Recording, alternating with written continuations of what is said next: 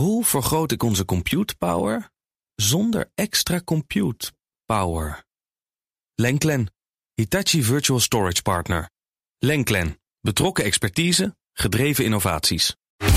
Tech Update. Stijn Goosens, goedemorgen. Goedemorgen. Mark Zuckerberg, de baas van Facebook, wordt aangeklaagd door aandeelhouders voor het negeren van uitbuiting.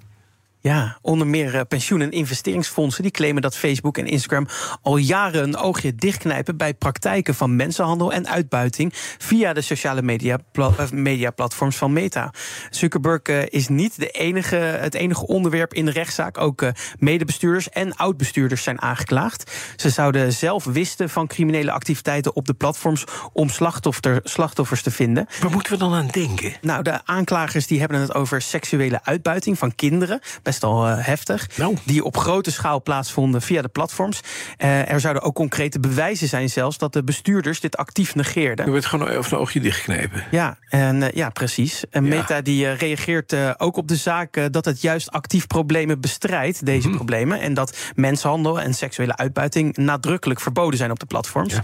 Meta ligt die sowieso steeds vaker onder vuur. Onder, over bijvoorbeeld marktafspraken met Google, anticompetitieve praktijken en het achterhouden van informatie over welzijn van tieners op de platforms. Ja. En daar is dit dan uh, ja, Misschien toch een van. gevolg van. Maar de pensie, dat is wel interessant dat institutionele beleggers hiervan zeggen: ja. jongens, Facebook en Instagram doen dat dus bewust. Precies. En, en die, worden, ja, die hebben er dus een, echt een zaak over aan. Absoluut. En het punt is, die hebben natuurlijk veel geld gestopt in dat soort bedrijven. En, beleggers, als institutionele beleggers. Als die hun vingers aftrekken van Facebook en Instagram, dan heeft meneer Zuckerberg serieus een meta-probleem. Een mega-probleem.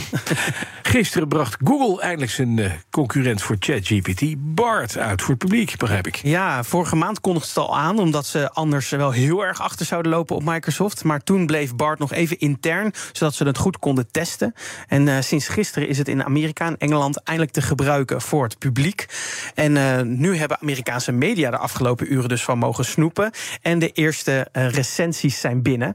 Maar de algehele eerste indruk is mild. Bart is erg afgericht en dichtgetimmerd. En daardoor zijn antwoorden soms iets te onpersoonlijk en een beetje vaag. Google is uh, erg voorzichtig sowieso met de uitrol van de chatbot, want het kan zich uh, geen roekeloze of foutieve antwoorden veroorloven. Tegelijk is Microsoft heel hard uit de startblokken vertrokken ja. en heeft het inmiddels flinke voorsprong op het gebied van chatbots. Um, het, uh, zo kondigde het gisteren aan dat je binnen Bing Chat ook plaatjes nu kan genereren. Precies, vertelde je. En ja. ja, dat kan Bart nog niet.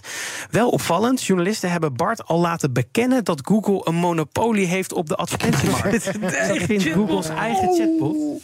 Ja, oh. en uh, ja. Bart zegt zelf dat het hoopt dat de justitie besluit om Google's monopolie op te breken.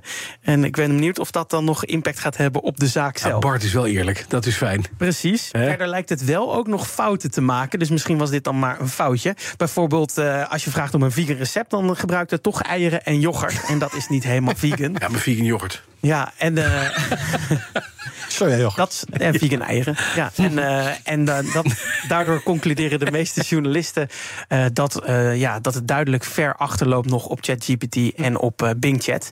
Google zelf communiceert wel ook nog duidelijk dat Bart gewoon nog in de experimentele fase zit. Het bedrijf had waarschijnlijk liever nog niet gehad dat het publiek beschikbaar gemaakt was. Maar Microsoft lokt Google eigenlijk uit de tent met die rappe vooruitgang die het ja, boekt. Ja, die zetten stappen. Dan ben eens vragen hoe je een vegan biefstukje bereidt. Kijk wat we dan krijgen. Ja, dat is leuk. Ja. Wat je ook kunt vragen is aan, is aan uh, uh, Google, een Bart nu vragen... Ja. waarom uh, ChatGPT zo goed is. Ja, oh Kijk of ze dan en andersom, ja, leuk. Andersom. Oh, met elkaar laten met elkaar laten oh, hij, noemde, hij noemde ChatGPT dus niet als concurrent toen hem dat gevraagd werd. Dat was ook oh, is wel gevraagd. Ja, dat is ja. hm. Naast ChatGPT is er ook, dames en heren, we kunnen opklappen, Radio GPT.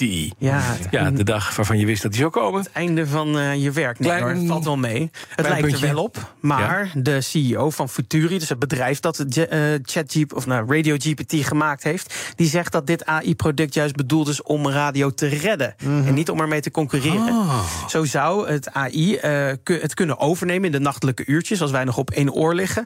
Um, uh, of Radio GPT kan, uh, die maakt er gebruik van ChatGPT om een AI-stem te maken die context kan geven bij de muziek. Zoals, een beetje zoals Spotify mm -hmm. dat met een AI-DJ ook heeft aangekondigd. Ja. Verder kan Radio GPT het laatste nieuws en het weer en ook vragen van reacties aan luisteraars bespreken. Kan het ook gedichten maken? Waarschijnlijk wel. Ja, het is gebaseerd gebaseerd op eh, dezelfde technologie als. ChatGPT. Oh nee, daar gaan we weer. En Nee. het zou stel stagiaire taken kunnen overnemen. Koffie halen, koffie. Lekker.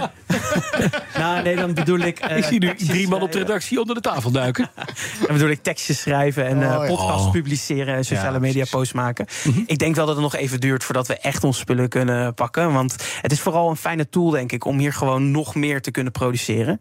En eh, na- natuurlijk is het ook goed dat we BNR, bij BNR ook kijken naar wat we met AI kunnen doen.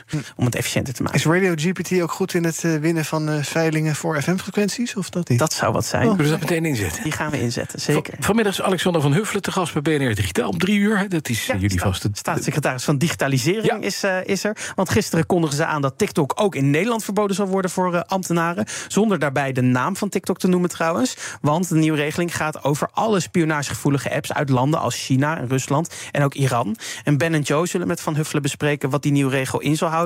Naast een verbod van TikTok. Dus wat kan er nog meer dan uit gaan rollen? Soms ben ik blij dat eh, mijn collega niet Jerry heet. Nee. Dankjewel, Goossens. De BNR Tech Update wordt mede mogelijk gemaakt door Lenklen. Lenklen. Betrokken expertise, gedreven resultaat. Hoe vergroot ik onze compute power zonder extra compute power? Lenklen. Hitachi Virtual Storage Partner.